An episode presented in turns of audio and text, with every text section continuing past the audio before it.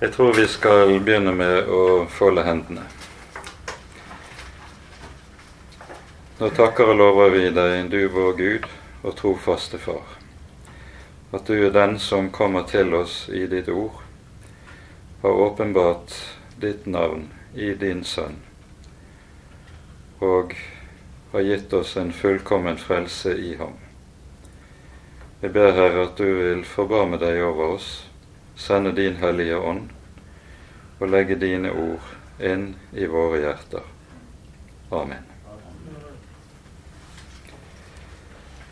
Lov og evangelium i forkynnelsen er altså tittelen eller overskriften på denne timen vi skal ha sammen. Eh, men før vi går inn på det, så tror jeg på det som har med forkynnelsen å gjøre, så er det en del andre ting jeg kunne ha trang til å eh, hente frem innledningsvis. Eh, for det første med utgangspunkt i at Den hellige skrift er åpenbaring. Hvilket også innebærer at når vi taler om lov og evangelium, så taler vi ikke bare da om loven som visse regler og rettesnorer som Gud har gitt oss for livet, men loven er Guds åpenbaring. Det vil si at i hellige, sin hellige lov, der åpenbarer Gud seg selv som den han er. Og Vi bruker jo gjerne å sette opp det skillet at loven er åpenbaringen av Guds hellighet, og evangeliet er åpenbaringen av Guds kjærlighet. Men i begge deler er det slik at Gud er den som åpenbarer seg for oss. Nå går det egentlig ikke an å sette et sånt skille annet enn som en sånn pedagogisk hjelp for tanken. For det er jo også slik at fordi Gud er én, så er Hans hellighet åpenbart like meget i evangeliet og hans kjærlighet like meget åpenbart i loven. Men for tanken sin del og for, for uh, klarheten sin del kan det være greit å skjelne på denne måten. For det annet så må vi også ha klart for øye at skillet mellom lov og evangelium det er en hermenautisk nøkkel. Nemlig selve den grunnleggende hermenautiske nøkkel til Den hellige skrift. Her er det jo slik at reformasjonen er klinkende klar på at den som ikke er i stand til å skjelne rett mellom lov og evangelium, han er heller ikke i stand til å forstå Den hellige skrift rett. Han vil alltid misforstå på en eller annen måte eller feilutlegge Skriften. Og så er det også rett å si at skillet mellom lov og evangelium også på mange måter kan sies å være en hermenautisk nøkkel til det menneskelige liv eller til kristenlivet. Idet det er slik at et menneske enten er under loven eller under evangeliet. Det er en, også en måte å tale på som vi finner tydelig i Det nye testamentet og Det betyr at når vi taler om lov og evangelium, så taler vi ikke bare om ulike måter som forkynnelsen skal formidle Skriften og åpenbaringen til oss på, men vi taler om langt noe langt mer omfattende som det er viktig for oss å ha klart for øyet. Men noe av det mest avgjørende det er altså dette at loven er en åpenbaring av Gud selv. Gud åpenbarer seg for oss i lov og åpenbaring. Og Det innebærer også helt konkret at sann og rett forkynnelse det skal være noe som stiller et menneske ansikt til ansikt med den levende Gud. Forkynnelsen skal stille mennesket for Guds ansikt. Du dras inn coram deo, som en gjerne sier det med teologiens språk. Og derfor vil forkynnelsen ha, og med nødvendighet ha det med seg at hvis den får lov til å være rett, så skal den stille et menneske ansikt til ansikt med Gud, og du står under tiltale av den levende Gud. Så du stilles inn overfor den levende Gud som et jeg i møte med Gud, som et du som taler til deg personlig. Dette er ganske avgjørende, fordi dette sier også noe grunnleggende om forkynnelsens autoritet. I Det nye testamentet brukes jo begrepet kerigma om eh, forkynnelsen.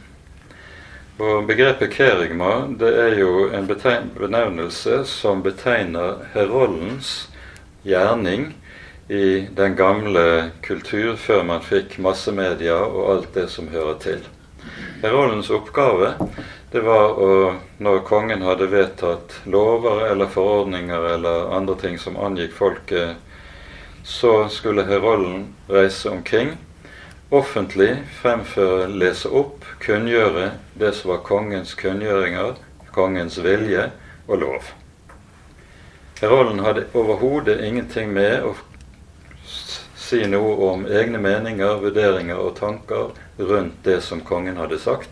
Han skulle helt enkelt holde frem hva kongen sa, hva som var kongens vilje. Dette begrepet er det altså som anvendes om forkynnelsen i Det nye testamentet.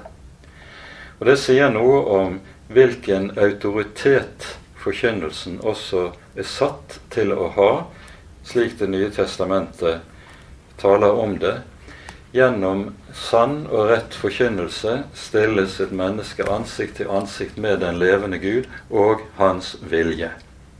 Og Denne vilje er altså åpenbart som lov og evangelium. I den tid som uh, vi lever i i dag, så har jeg fundert en del over det vi hører i apostelgjerningenes 17. kapittel, der vi hører Paulus tale på Areopagos. Talen på Areopagos er vel den eneste mer omfattende teksten, eller talen, i apostelens gjerninger som er rettet til hedninger, kall det gudfremmede, kirkefremmede, mennesker for hvem Skriften er fullstendig fremmed. Så godt som alle de øvrige talene i apostelgjerningene er rettet til jøder som kjenner Skriftene, og derfor er også disse talene rike på referanser til løftene i Det gamle testamentet. Så ikke med talen på Areopagos. Og Derfor er talen på Areopagos meget spesiell i hele sin uh, måte å gripe saken an på. Paulus begynner jo Vi hører om at han har gått omkring i Aten, funnet et alter for en ukjent gud. Og så tar han utgangspunkt i skapelsen. Hvem Gud er som skaper. Og så går han videre ganske kort til å tale om Guds historiske styre. Og så kommer han frem til i vers 30 og 31 med å si følgende. Etter at Gud har båret over med uvitenhetens tider, befaler han nå alle mennesker alle steder at de skal omvende seg. For han har fastsatt en dag da han skal dømme verden med rettferdighet dette skal skje ved den mann han har utvalgt til det, etter at han har gitt fullgodt bevis for alle ved å reise ham opp fra de døde. Det er først her, mot slutten av talen, Paulus kommer til poenget med Kristi person, Kristi rolle, Kristi gjerning. Han går gjennom forholdet til skapelsen, Guds styre. Gud har båret over med uvitenhetens tider, og så lyder det så befaler Gud alle mennesker på alle steder at de skal vende om. Denne måten å uttrykke seg på, det er ganske spesielt. Det sies ikke at Paulus står ikke her på Areopagos og sier at nå har vi fått et nytt uh, budskap som dere godt kan tenke dere Dere burde tenke dere å overveie. Han sier ganske enkelt 'Gud befaler'. Han bruker et meget sterkt uttrykk i, etter grunnteksten. Gud befaler alle mennesker at de skal omvende seg. Hva er det Paulus sier med å uttrykke seg på denne måten? For det første er det jo en meget klar og radikal forkynnelse av loven. Du skal omvende deg. Dette er noe som ikke er opp til deg å forhandle med Gud med, for dette er noe Gud befaler. Og i denne måten å uttrykke seg på så sier jo Paulus noe ganske bestemt om med hvilken autoritet han faktisk taler. Han kommer ikke som en av de populære filosofene som reiste omkring i datiden for å diskutere noe som helst. Han kunngjør Guds vilje og sier Gud befaler dere må omvende dere.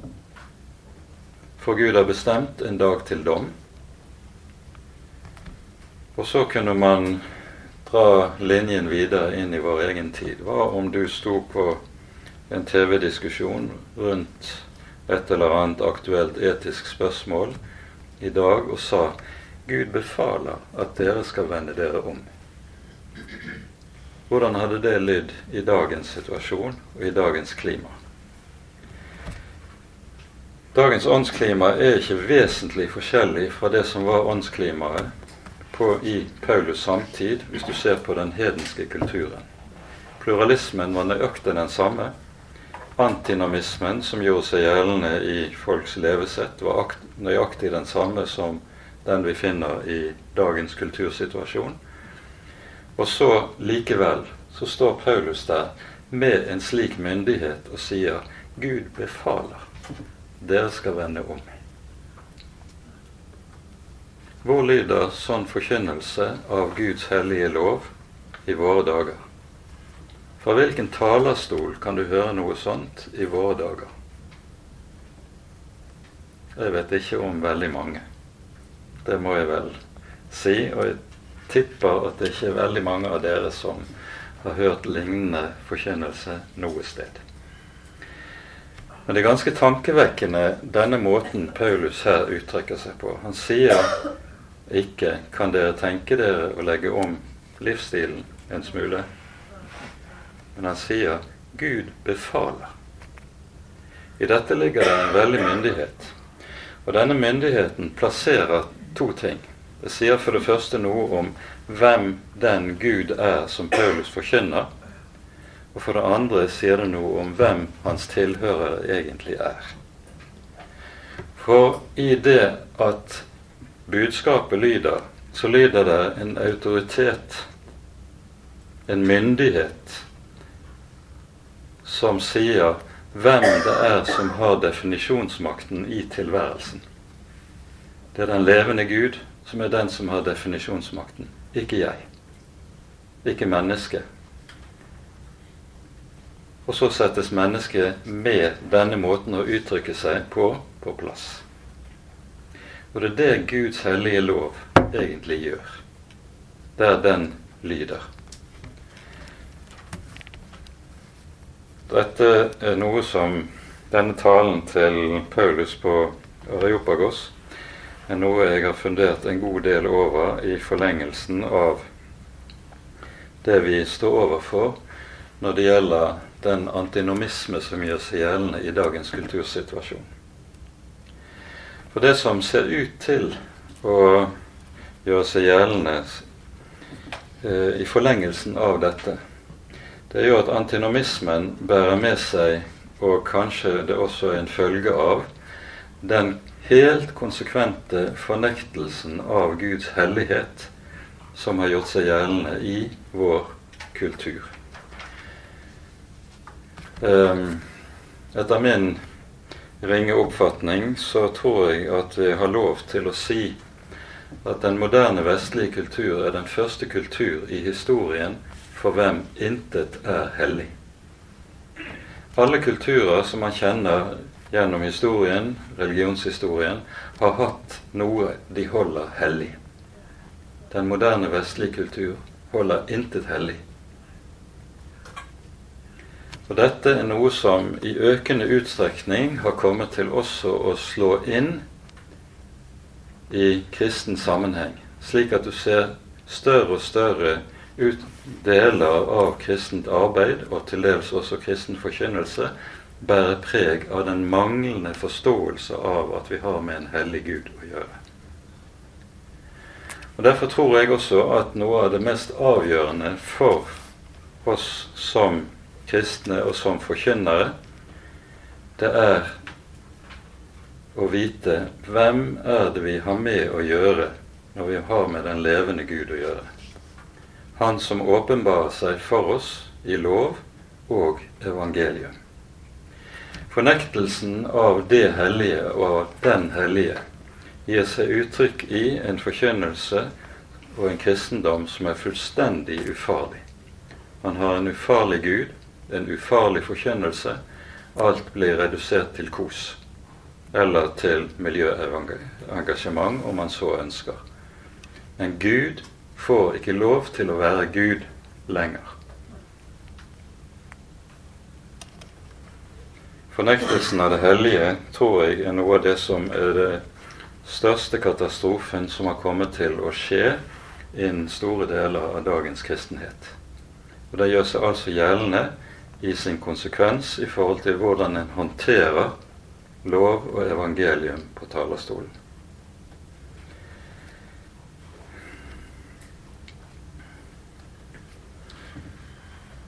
Når Paulus skriver til sin unge venn Timotius, skriver sin svanesang i 2. Timotius brev, så skriver han til ham Legg vind på å kunne fremstille deg for Gud som en som holder prøve, en arbeider som ikke har noe å skamme seg over, en som deler sannhetens ord rett.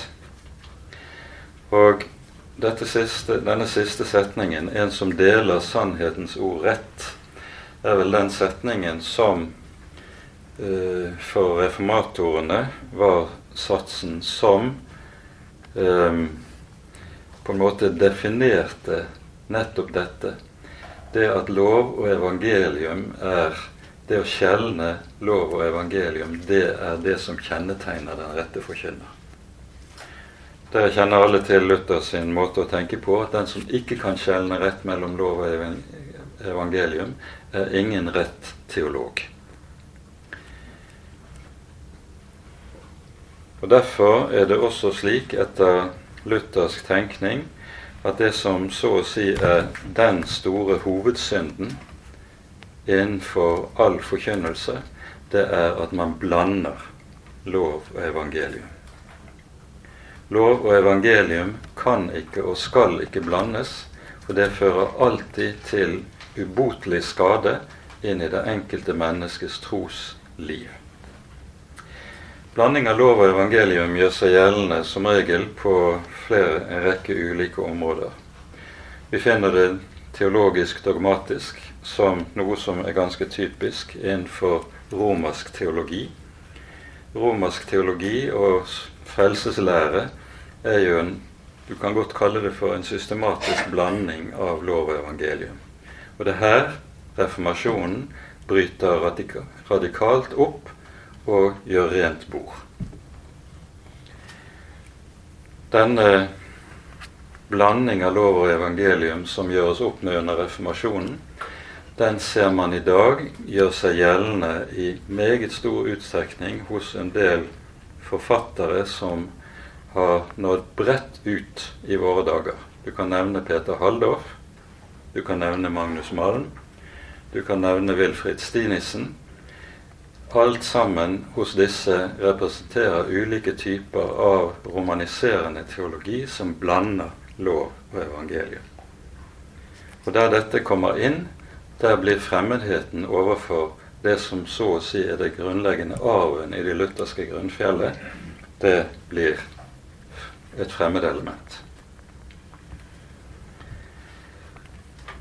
Vi finner blandingen av lov og evangelium også veldig klart i ulike typer evangelikal teologi, preget av påvirkning fra amerikansk kristenliv, eh, som jo på ulike måter bærer arven fra Calvin med seg. Og de av dere som er fortrolig med teologihistorien, vet at hos Calvin er skjelningen mellom lov og evangelium ikke en hermenautisk nøkkel til Skriften. Calvin ønsket rett nok å bære videre arven fra Martin Luther, men han bryter i praksis med det på en rekke helt sentrale felter, og som gjør at de kirker som bærer med seg arven videre fra Calvin, de er fremmed for denne måten å tenke på.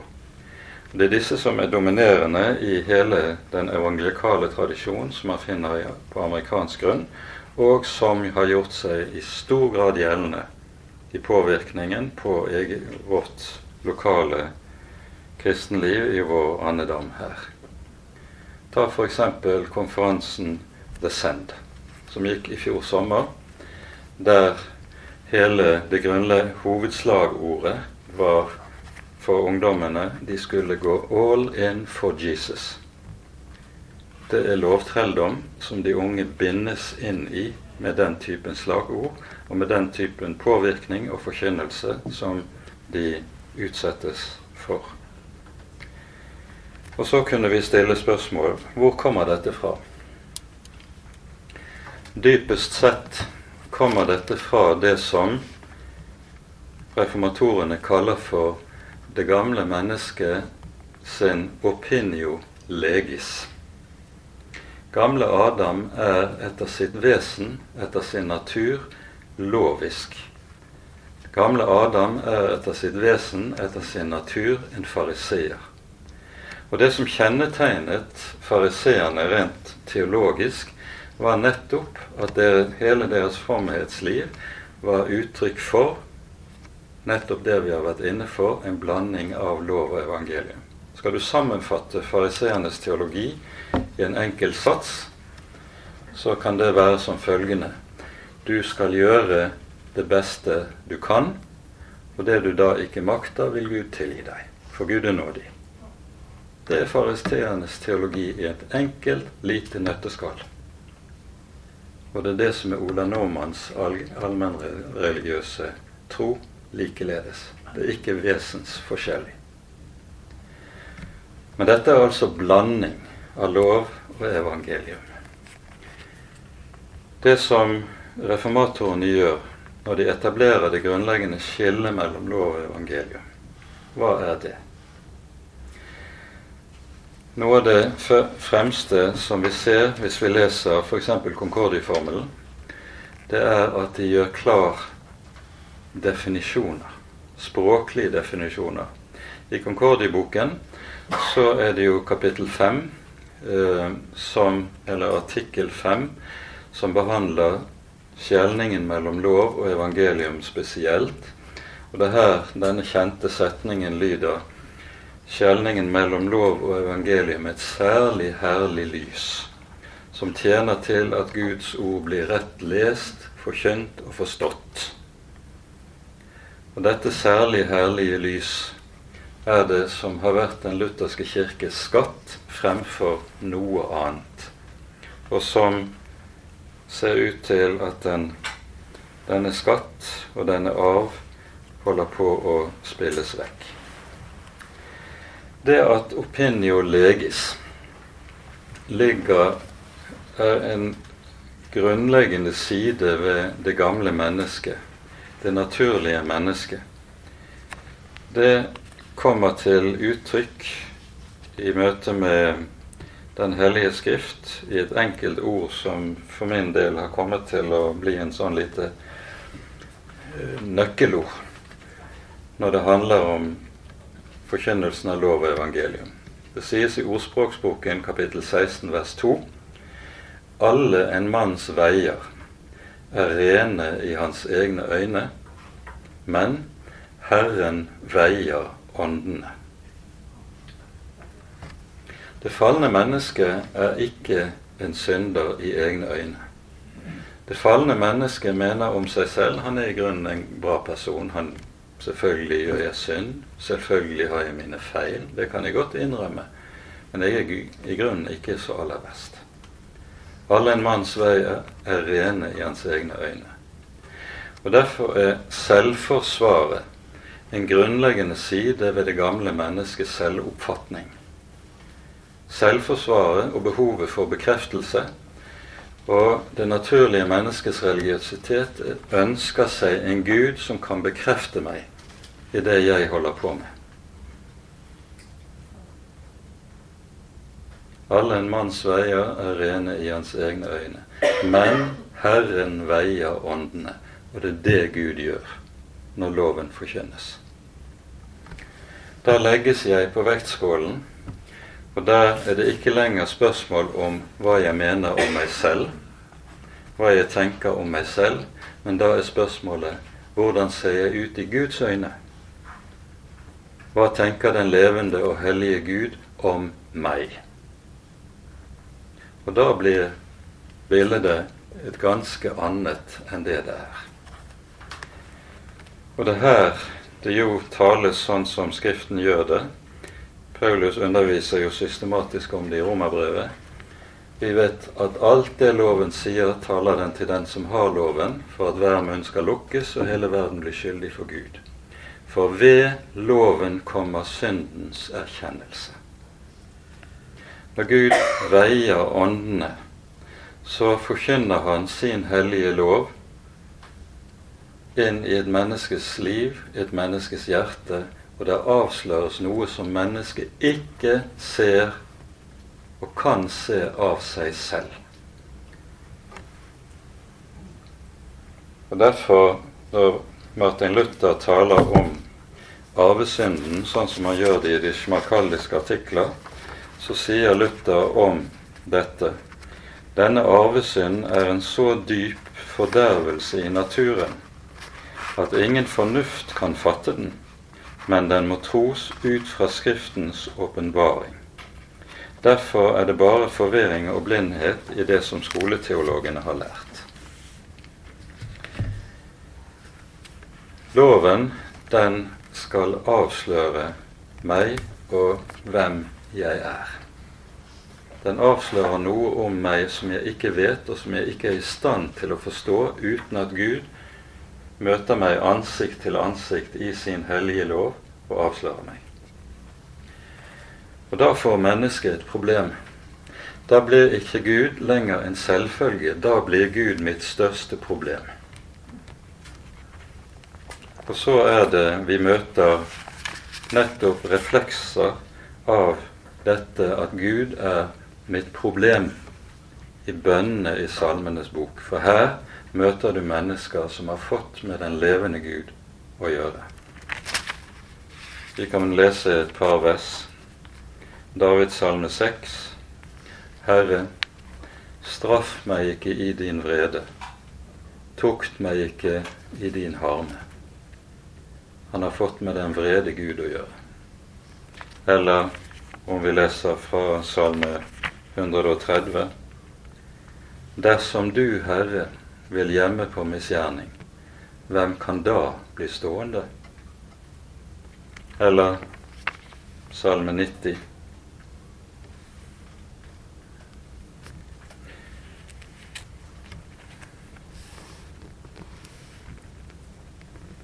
Du har satt våre misgjerninger for ditt åsyn, vår skjulte synd i ditt åsyns lys. Hvem kjenner din vredes styrke og din harme, slik frykten for deg krever? Det loven åpenbarer, det er ikke bare at her er det et og annet jeg mangler. Loven åpenbarer den vrede Gud. Og det å ha med den vrede Gud å gjøre, det er ikke spøk.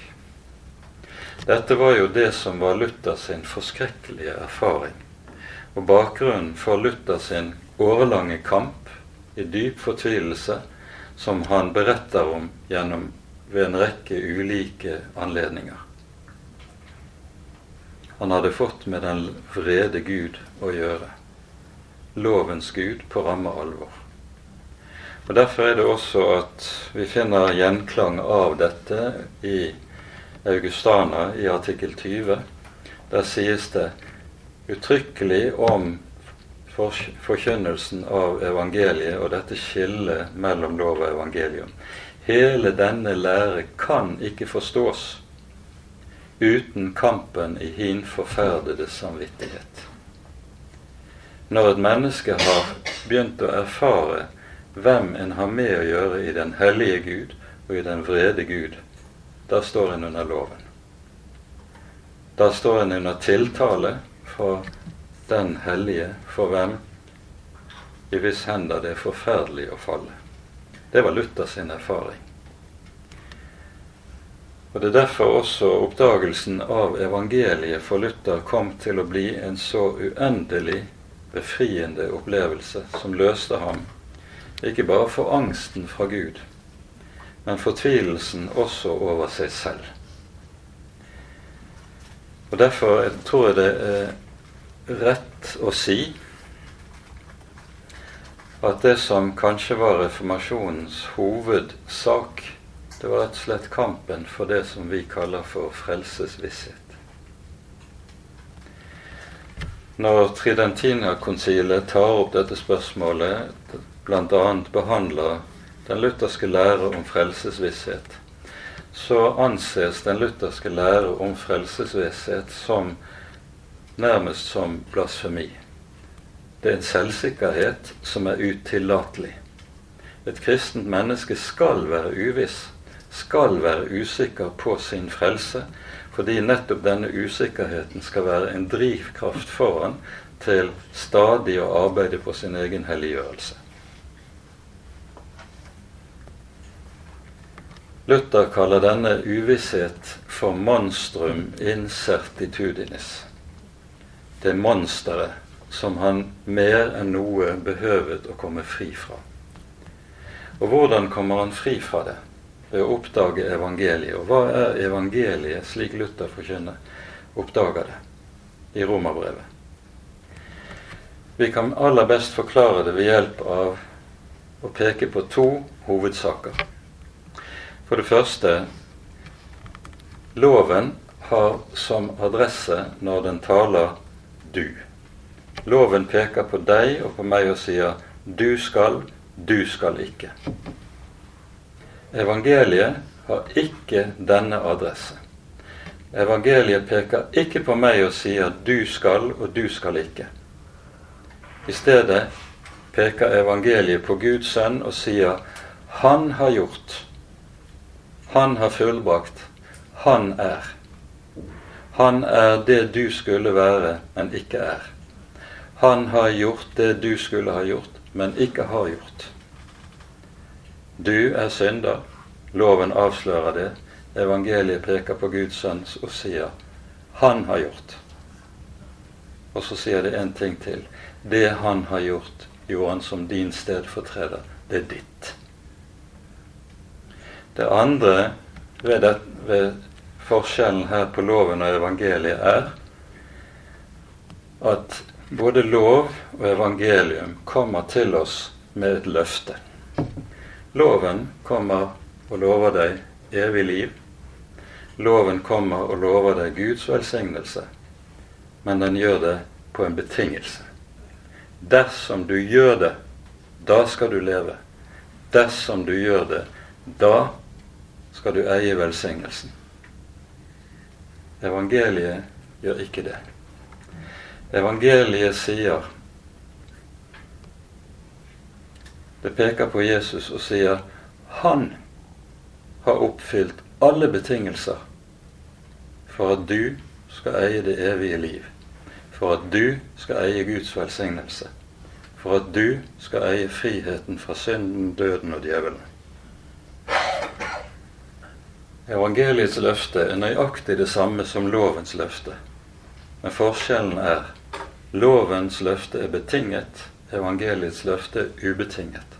Fordi det forteller oss og forkynner for oss at Jesus har oppfylt alle løfter, alle betingelser, for at du og jeg skal få kalles Guds barn, ha avgang til Gud og få være Guds folk. ha del i det evige liv, frihet fra den evige dom, osv. Og, og hva er da frelsesvisshet? Frelsesvisshet er ikke visshet om at jeg har mitt på det tørre. Frelsesvisshet det er jeg vet at det Jesus har gjort, det er nok. Det er frelsesvisshet.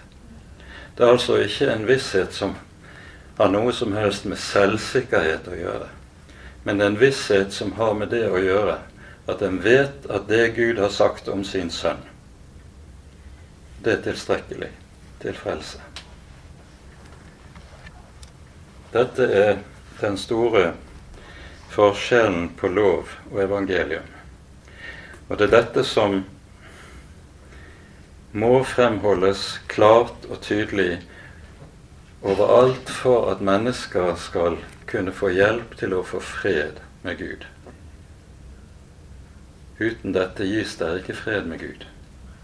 All annen fred er falsk fred.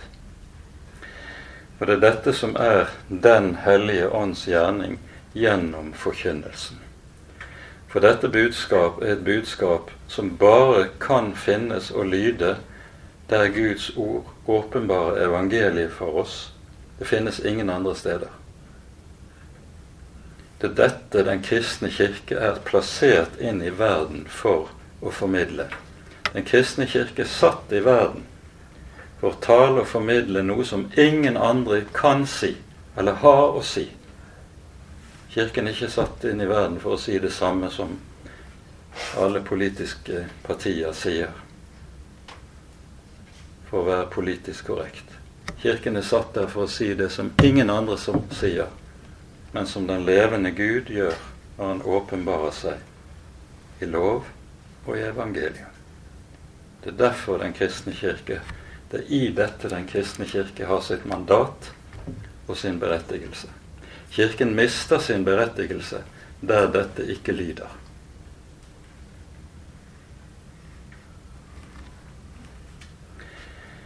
Den hellige ånd har dette som sin gjerning.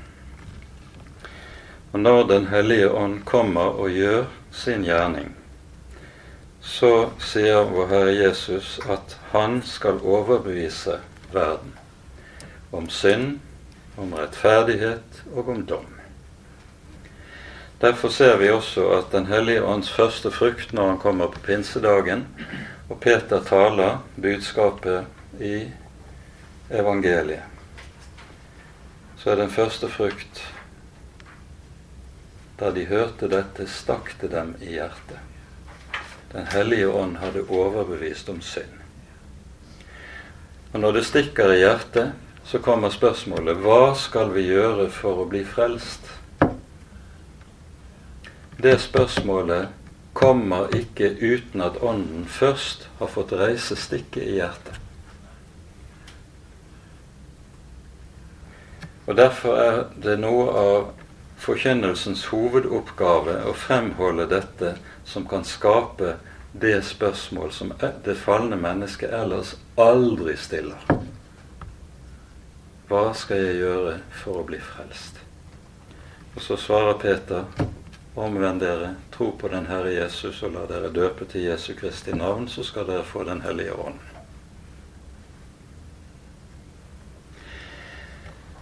Ånden skal overbevise om synd og om rettferdighet og om dom.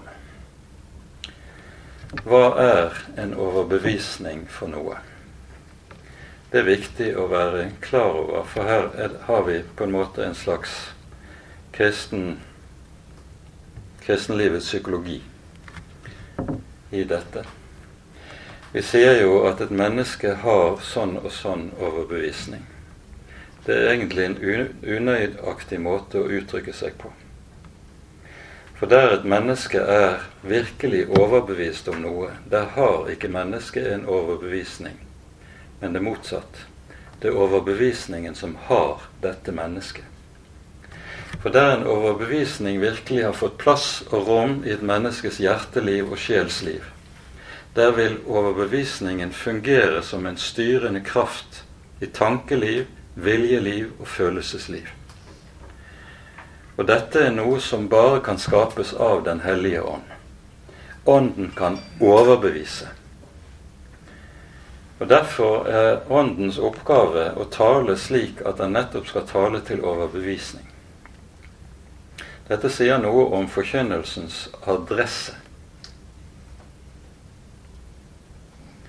Du har noen forkynnelse som er rent sånn intellektuelt rettet. Den retter seg til menneskets tankeliv. Apologetikk og apologetisk forkynnelse kan ha sin nytte, det også. Men du overbeviser ikke noen gjennom å diskutere med dem tankemessig. Andre typer forkynnelse er rettet til følelsesmennesket og til følelseslivet. Du har ulike typer så sentimentaliserende vekkelsespredikanter som vi har kanskje sett en og annen av oppover gjennom historien. Men et menneskes følelsesliv skaper ikke overbevisning. I dag er det varmt, i morgen er det kaldt. Atter andre har en type forkynnelse som retter seg til menneskets viljeliv. Du må bestemme deg. Men viljen skaper ikke overbevisning.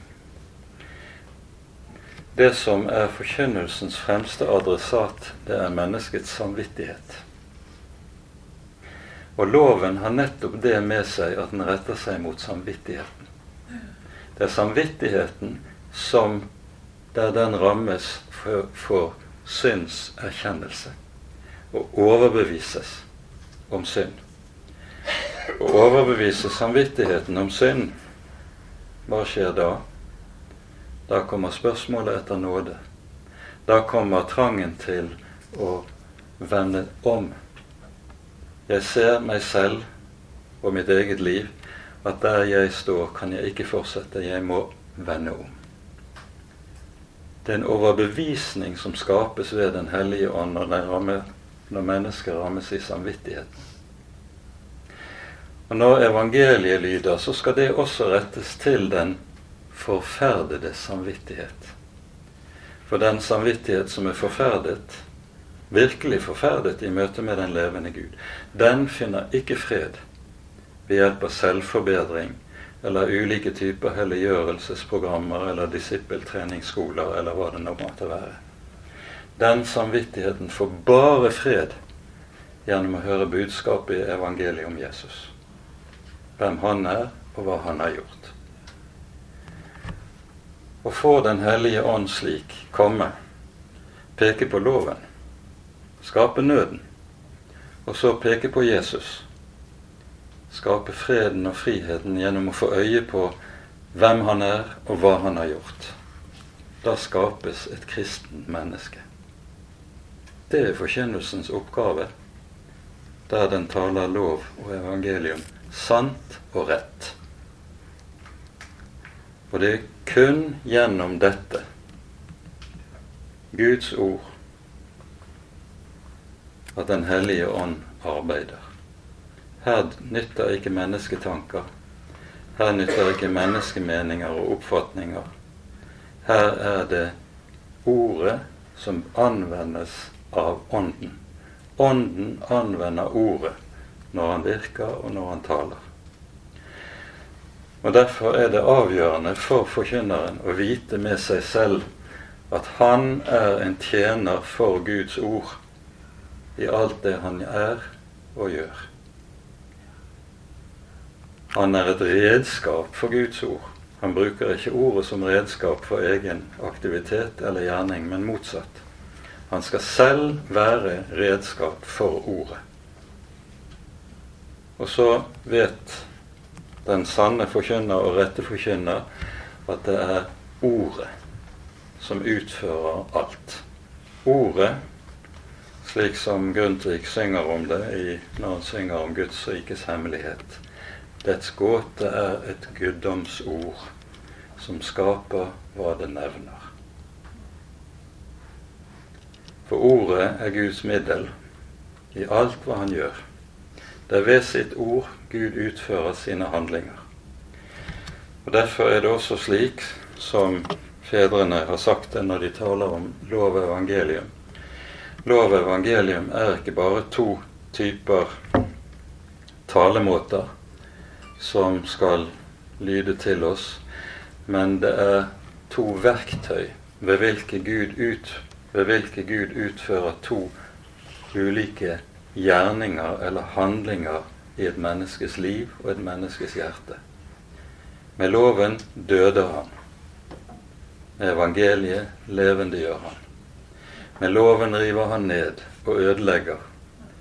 Med evangeliet planter han og bygger han. For ordet er nådemiddel. Ordet er Guds eget verktøy.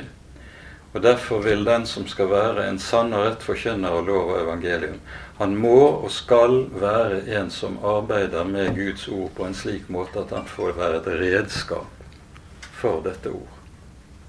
Uten det så blir all forkynnelse slag i luften og tom tale. Uten det så mister prediken sitt sin berettigelse. Han kunne drive med hva som helst annet like godt. Men der dette får være, der virker Guds hellige ånd med den kraft som han har til å skape tro, visshet, liv, frukt, håp og ikke minst frimodighet i måte med dommen og med døden. For med dette evangelium er det et menneske kan møte død og dom uten beven. Fordi jeg vet jeg skal møte Gud, ikke med hva jeg selv har å fare med, men med hva Guds egen sønn har gjort og gitt. Alt mitt skal falle. Intet av mitt holder. Det Guds sønn har gjort, det holder. Det bærer. Og det er det vi skal få leve på. Det er det vi skal dø på. Det er vårt kall når lov og evangelium skal forkynnes. Måtte Gud sørge for at den lysestaken ikke flyttes. Selv om det kan være grunn til å være redd for at det er det som holder på å skje i landet vårt. Amen. Ære være Faderen og Sønnen og Den hellige ånd, som var og er og være skal, en sann Gud, høylovet i evighet. Amen.